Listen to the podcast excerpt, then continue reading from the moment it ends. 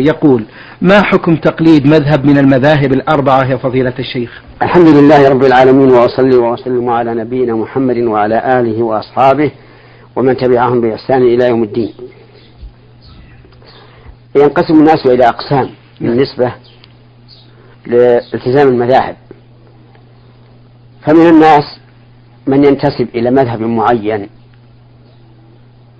لظنه أنه أقرب المذاهب إلى الصواب. ولكنه إذا تبين له الحق اتبعه وترك ما هو مقلد له.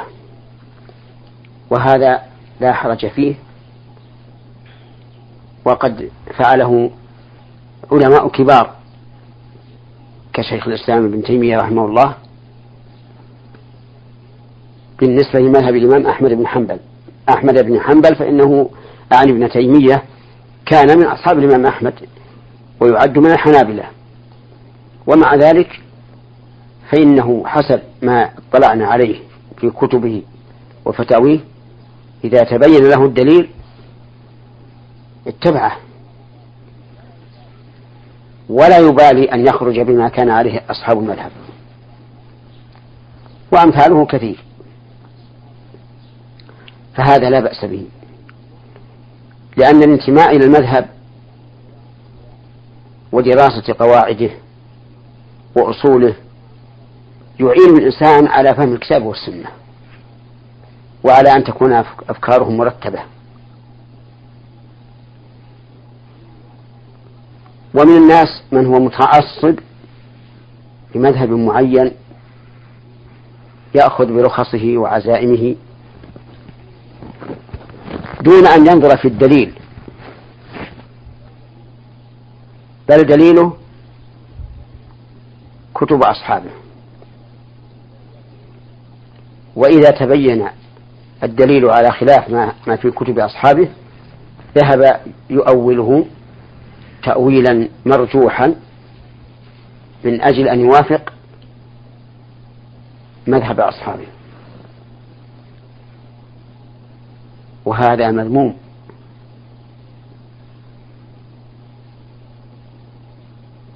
وفيه شبه من الذين قال الله فيهم ألم تر إلى الذين يزعمون أنهم آمنوا بما أنزل إليك وما أنزل من قبلك يريدون أن يتحاكموا إلى الطاغوت وقد أمر أن يكفروا به ويريد الشيطان أن يضلهم ضلالا بعيدا وإذا قيل لهم تعالوا إلى ما أنزل الله وإلى الرسول رأيت المنافقين يصدون عنك صدودا. وهم إن لم يكونوا بهذه المنزلة لكن فيهم شبه منهم. وهم على خطر عظيم. لأنهم يوم القيامة سوف يقال لهم ماذا أجبتم المرسلين. لا يقال ماذا أجبتم الكتاب الفلاني أو الكتاب الفلاني أو, أو الإمام الفلاني. القسم الثالث من ليس عنده علم وهو عامي محض. فيتبع مذهب معين لأنه لا يستطيع أن يعرف الحق بنفسه. وليس من أهل الاجتهاد أصلا. فهذا داخل في قول الله تبارك وتعالى فاسألوا أهل الذكر إن كنتم لا تعلمون. ويتفرع على هذا السؤال سؤال آخر وهو إذا سأل العامي شيخا من العلماء فأفتاه. وسمع شيخا آخر يقول خلاف ما أفتي به. فبمن يأخذ؟ بقوله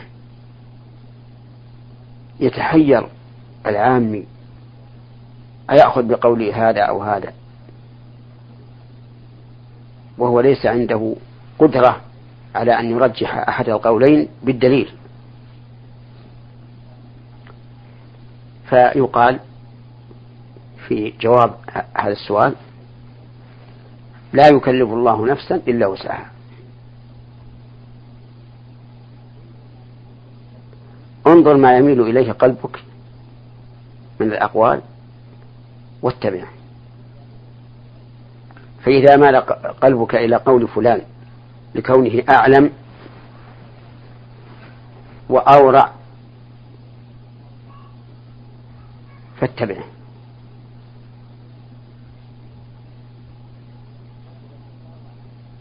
وإذا تساوى عندك الرجلان فقيل يؤخذ بأشدهما وأغلظهما احتياطا وقيل يؤخذ بأيسرهما وأسهلهما أنه الأقرب إلى قاعدة الشريعة والأصل براءة براءة الذمة. وقيل يخير. والأقرب أنه يأخذ بالأيسر. لقول الله تعالى يريد الله بكم اليسر ولا يريد بكم العسر. والأدلة متكافئة لأن المفتين أو لأن المفتيين كلاهما في نظر السائل على حد سواء. نعم. أحسن الله إليكم وبارك فيكم. من أسئلة هذا السائل من الجزائر يقول ما حكم صيام يوم السبت ويوم الجمعة نفلا؟ لا بأس بذلك. لا بأس أن يصوم يوم الجمعة ويوم السبت. مقترنين. ودليل ذلك أن النبي صلى الله عليه وسلم قال لإحدى أمهات المؤمنين وقد أخبرته بأنها صائمة يوم الجمعة. قال لها أصمت أمس قالت لا. قال أتصومين غدا قالت لا. قال فأفطري. فقوله أتصومين غدا؟ يعني مع الجمعة. وهذا دليل واضح على جواز صيامهما مقترنين فأما إفراد أحدهما فمكروه وإفراد الجمعة أشد كراهة. لأن النبي صلى الله عليه وعلى آله وسلم نهى عن صيامه إلا أن يصوم يوما قبله أو يوما بعده. نعم. حفظكم الله يا فضيلة الشيخ السائل من الجزائر يسأل عن حكم زيارة قبر الرسول صلى الله عليه وسلم والدعاء عند قبره. زيارة قبر النبي صلى الله عليه وعلى آله وسلم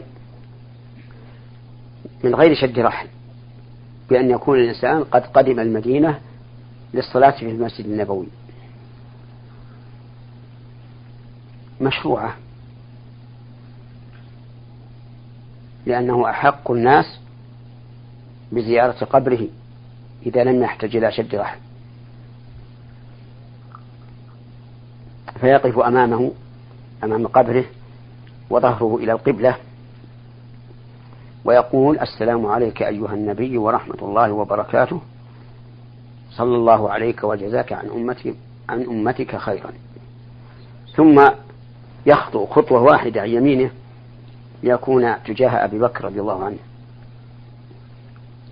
فيقول السلام عليك يا خليفة رسول الله ورحمة الله وبركاته رضي الله عنك وجزاك عن أمة محمد خيرا.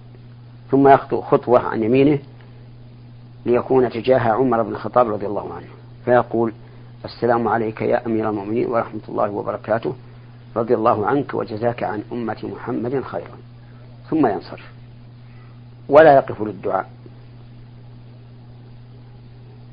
لأن هذا أعني الوقوف للدعاء ليس مأثورا عن الصحابة رضي الله عنهم. نعم. يسأل يا فضيلة الشيخ أيضا عن حكم قراءة القرآن على الأموات في المقابر. قراءة القرآن على الأموات في المقابر بدعة. والإنسان إلى الإثم فيها أقرب منه إلى السلامة. والمشروع لمن زار القبور أن يقول ما قاله إمامنا رسول الله صلى الله عليه وعلى آله وسلم. وهو دعاء مشهور. السلام عليكم دار قوم مؤمنين وإنا إن شاء الله بكم لاحقون. يرحم, يرحم الله المستقدمين منكم أو منا ومنكم المستأخرين نسأل الله لنا ولكم العافية. اللهم لا تحرمنا أجرهم ولا تفتنا بعدهم واغفر لنا ولهم. هذا هو المشروع. أما قراءة القرآن فلا تشرع في المقبرة لذاتها. نعم لو كان الإنسان حافظا للقرآن عن ظهر قلب وكان في المقبرة ينتظر قبر أحد فله أن يقرأ القرآن لكن يقرأه سرا لا جهرا. ولا يعتقد أن لقراءة القرآن في المقبرة مزية على قراءته في غيرها. نعم. هذا السائل يقول من أهديت له هدية هل يجوز له أن يهديها لغيره؟ نعم يجوز لمن أهدي له هدية أن يهديها لأخ. فإذا أهدى محمد إلى عبد الله هدية جاز لعبد الله أن يهديها إلى عبد الرحمن لأنها ملكه يتصرف فيها كما يشاء. نعم. السائل سين عين هاء القصيمة الكرية يقول هل تجب النية في صوم التطوع المعين كصيام الست من شوال وعرفة وعاشوراء أم تجوز النية من النهار؟ آه النفل نوعان نفل مطلق ونفل مقيد. نعم. فالنفل المطلق يجوز للإنسان أن ينويه في أثناء النهار. إذا لم يفعل ما ما يفطر قبل ذلك. مثاله رجل قام لصلاة الفجر وقبل أن يفطر فطور الصباح أحب أن يصوم ذلك اليوم. فنوى فهو فصيامه صحيح. مجزئ. ويثاب على الصوم على نية الصوم. و... و... نعم. ويثاب على الصوم من نيته لا من لا من طلوع الفجر.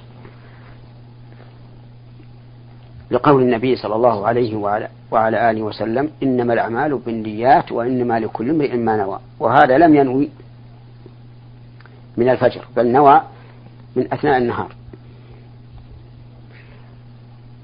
والنوع الثاني مقيد. نفل مقيد بيوم. فهذا لا بد أن ينويه من قبل الفجر. ليكون قد صام يوما كاملا. كيوم عرفة مثلا. مثاله شخص قام يوم عرفة وليس من نيته أن يصوم. لكنه في أثناء النهار صام وهو لم يأكل ولم يشرب من قبل ولم يأتي مفطرا. فنقول الصيام صم لا, ليس في مانع. لكنك لا تثاب ثواب من صام يوم عرفة. فإنك لم تصم يوم عرفة صمت بعض يوم عرفة. فلا يحصل لك ثواب من صام يوم عرفة. نعم. أحسن الله إليكم. السائلة أم ياسر لها هذا السؤال تسأل عن حكم شراء الذهب بالتقسيط. شراء الذهب بالتقسيط على نوعين. النوع الأول أن يشترى بالدراهم. فلا بد من التقابض في مجلس العقد. فإذا اشترت امرأة حلي ذهب نعم. خمسة آلاف ريال. فلا بد أن تسلم خمسة آلاف ريال في مجلس العقد. ولا يجوز أن أن تشتريه بالتقسيط. لأن النبي صلى الله عليه وعلى آله وسلم قال في بيع الذهب بالفضة إذا اختلفت هذه الأصناف فبيعوا كيف شئتم إذا كان يدا بيد. والثاني أن يشتري الذهب بغير الدراهم مثل أن يشتريه بقمح. فتقول المرأة اشتريت منك هذا الحلي بمئة صاع قمح. كل شهر عشرة أصواع فلا بأس.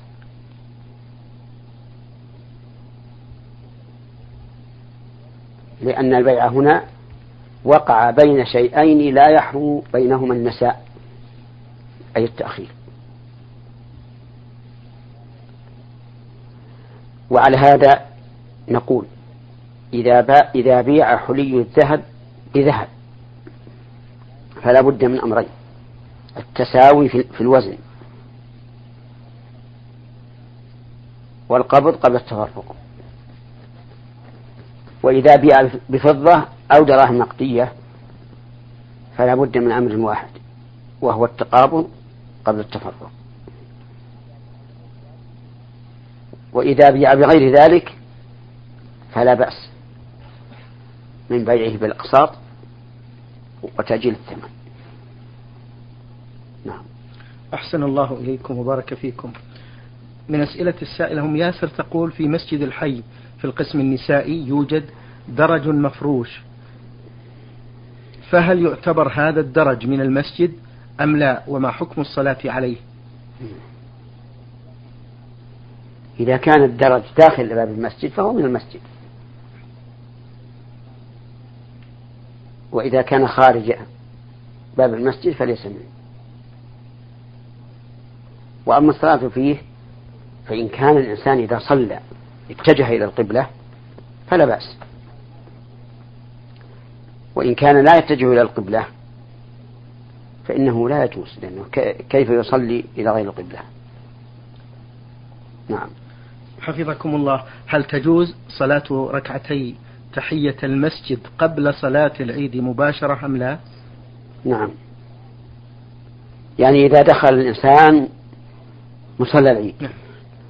هل يسن له أن يصلي ركعتين تحية المسجد أو لا؟ هذا معنى السؤال. نعم. وجوابه أن أن نقول إنه يصلي تحية المسجد ثم يجلس حتى يحضر الإمام. لعموم قول النبي صلى الله عليه وعلى آله وسلم إذا دخل أحدكم المسجد فلا يجلس حتى يصلي ركعتين. ومصلى العيد مسجد. والدليل على أنه مسجد أن النبي صلى الله عليه وعلى آله وسلم أمر النساء أن يخرجن لصلاة العيد. وأمر الحجر أن يعتزلن المصلى أي مصلى العيد. ولولا أنه مسجد ما منعهن من أن يدخلن فيه. ولما أمرهن أن يعتزلنه. فإن قال قائل أليس النبي صلى الله عليه وعلى آله وسلم؟ صلى العيد ولم يصلي قبلها ولا بعدها؟ فالجواب بلى. لكن النبي صلى الله عليه وعلى آله وسلم لما دخل مصلى العيد شرع في الصلاة فأجزأ صلاة العيد عن تحية المسجد. نعم. أحسن الله إليكم. من ليبيا السائل محمد صالح يقول كيف السبيل لكي تكون أعمالنا خالصة لوجهه تعالى دون كبرياء أو رياء أو مفاخرة؟ السبيل إلى ذلك أن يكون الإنسان متعبدا لله يرجو ثواب الله. لا يرجو أحدا من الناس أن يمدحه أو يعامله معاملة طيبة. فيرائي في صلاته مثلا. ثانيا أن يعلم أن العباد لن ينفعوه. إلا بشيء قد كتبه الله له. ولن يضروه إلا بشيء قد كتبه الله عليه. وحينئذ لا يبالي بهم. سواء علموا بعبادته أم لم يعلموا وسواء أثنوا عليه أم لم يثنوا عليه. ولكن قد يوسوس الشيطان للإنسان إذا أراد أن يفعل عبادة فيقول له إنك تفعلها رياء فيتركها. وهذا من تلاعب الشيطان به. فالواجب إذا أحس بهذا أن يقول أعوذ بالله من الشيطان الرجيم ويستمر في عبادته. وبانتهاج هذا المسلك يزول عنه ما يجده في نفسه من خوف الرياء. نعم. جزاكم الله خيرا. من أسئلة السائل يقول يا فضيلة الشيخ هل تحول السيئات والمعاصي دون استجابة الله لعبده؟ آثار المعاصي سيئة قد تحول بين الإنسان وبين قبوله ما جاء به الرسول وتحول بينه وبين التوبة. كما قال تعالى فإن تولوا فاعلم أن ما يريد الله أن يصيبهم ببعض ذنوبهم وإن كثيرا من الناس لفاسقون. والسيئات يجر بعضها بعضا كما أن الحسنات يدعو بعضها بعضا. فالواجب على العبد إذا عمل السيئة أن يبادر بالتوبة حتى يرتفع ترتفع عنه عنه آثارها السيئة. وإلا فربما تجره السيئة إلى أخرى ثم إلى أخرى ثم إلى أخرى حتى يطبع على قلبه والعياذ بالله. كما جاء في الحديث من ترك ثلاث جمع تهاونا طبع الله على قلبه. وإذا طبع الله على قلبه فإنه يرى الباطل حقا والحق باطلا. كما قال الله تبارك وتعالى وما يكذب به إلا كل معتد أثيم. إذا تتلى عليه آياتنا قال أساطير الأولين كلا بل ران على قلوبهم ما كانوا يكسبون. يعني كلا ليس أساطير الأولين ولكن لما كان هذا الإنسان قد كسب معاصي وآثاما أظلم بها قلبه اجتمعت هذه الآثام على القلب وصار لا يرى القرآن الكريم العظيم إلا كسواليف الأولين. لم يذوق له طعما ولم يستمر به قلبه والعياذ بالله. فالمهم أن للمعاصي آثارا سلبية كما يقولون على القلب والعمل. فانتشل نفسك أيها المسلم من المعصية بالتوبة إلى الله تعالى منها وإذا صحت توبتك تاب الله عليك. جزاكم الله خيرا. يقول السائل كيف يتصرف المدرس الذي يدرس فتيات في سن البلوغ؟ يتصرف باتقاء هذا. لا يعمل. لأن الفتيات اللاتي في سن البلوغ فتنة. لا سيما إذا كان يشاهدهن ويشاهدن. فليترك المجال للنساء تدرس في حق النساء. وليكن هو وليكن هو في حق الرجال. نعم. أحسن الله إليكم السائل رمز لاسمه بميم ألف عين من الرياض يقول ورد في حديث ورد في حديث بأن الذي كان يوسوس في صلاته كثيرا أن النبي صلى الله عليه وسلم أرشده أن آه، ينفث على يساره ثلاثا ومعلوم أن النفث عندئذ لا بد له من الالتفات إلى اليسار فهل يجوز له ذلك؟ نعم. كيف لا يجوز له ذلك؟ والنبي صلى الله عليه وعلى آله وسلم هو الذي أرشده إلى هذا. يعني أن الإنسان إذا كان يحدث نفسه بالصلاة كثيرا فإن دواءه ما وصفه النبي صلى الله عليه وعلى آله وسلم أن يدخل عن يساره ثلاث مرات ويستعيذ بالله من الشيطان الرجيم. قال الصحابي الذي روى هذا الحديث ففعلت ذلك فأذهب الله عني ما أجد.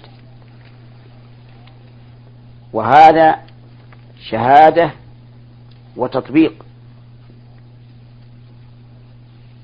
شهادة بأن بأنه انتفع وتطبيق بأنه عمل. ولكن قد يقول قائل إذا كان الإنسان مع الجماعة فكيف يدخل عن يساره فالجواب إن كان آخر واحد على اليسار أمكنه أن يدخل عن يساره في غير المسجد. وإلا فليدخل عن يساره في ثوبه في غترته في منديل.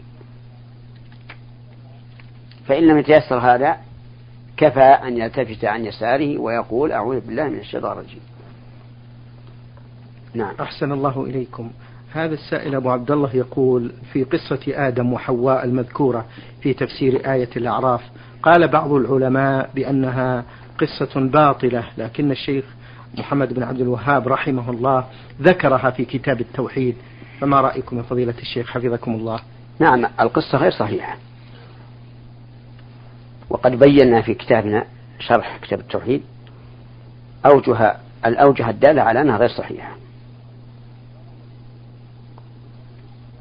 ولا ندري لماذا وضعها الشيخ رحمه الله في كتابه. نعم. من أسئلة السائل أبو عبد الله يقول إذا اشتريت ذهبا من محل وأعطيته شيكا مصدقا أو أعطيته بطاقة الصرف الآلي وسحب من حسابي إلى حسابه مباشرة هل يعتبر هذا قبض؟ علما بأن المبلغ يدخل في حسابه مباشرة. نعم. يعتبر قبضا ما دام نقل إلى حساب المشتري إلى حساب البائع مباشرة في مجلس العقد فلا بأس. وكيفية ذلك؟ أن يكون البائع عند أن يكون المشتري في دكان البائع. ولكل من البائع والمشتري حساب في بنك معين. فيتصلون أو فيتصلان على صاحب البنك ويقولان له انقل كذا وكذا من حسابي يقوله المشتري انقل كذا وكذا من حسابي إلى حساب فلان. فيقول فعلت. فهذا قبض. أما الشيك المصدق فإنه ليس بقبض. ولكنه حوالة والتصديق يعني إقرار. البنك بأن عنده هذا الرصيد فقط. والدليل على أنه ليس بقبض. أن هذا الشيك المصدق لو ضاع لرجع البائع على المشتري وقال إن الشيك ضاع قبل أن أستلم ما فيه. نعم. أحسن الله إليكم. وبارك فإن قال قائل إذا لم تمكن هذه الحال. قلنا الأمر سهل. إذا لم تمكن لا لا تعقد البيع. اذهب وأتي بالدراهم من البنك الذي عند عنده حسابك ثم سلمها للبائع. واعقد العقد من جديد. ولا تعتمد على العقد الأول لأنه باطل ولأنه قد يزيد الذهب أو ينقص فيما بين إحضار الدراهم وبين الاتفاقية. شكر الله لكم يا فضيلة الشيخ وبارك الله فيكم وفي علمكم ونفع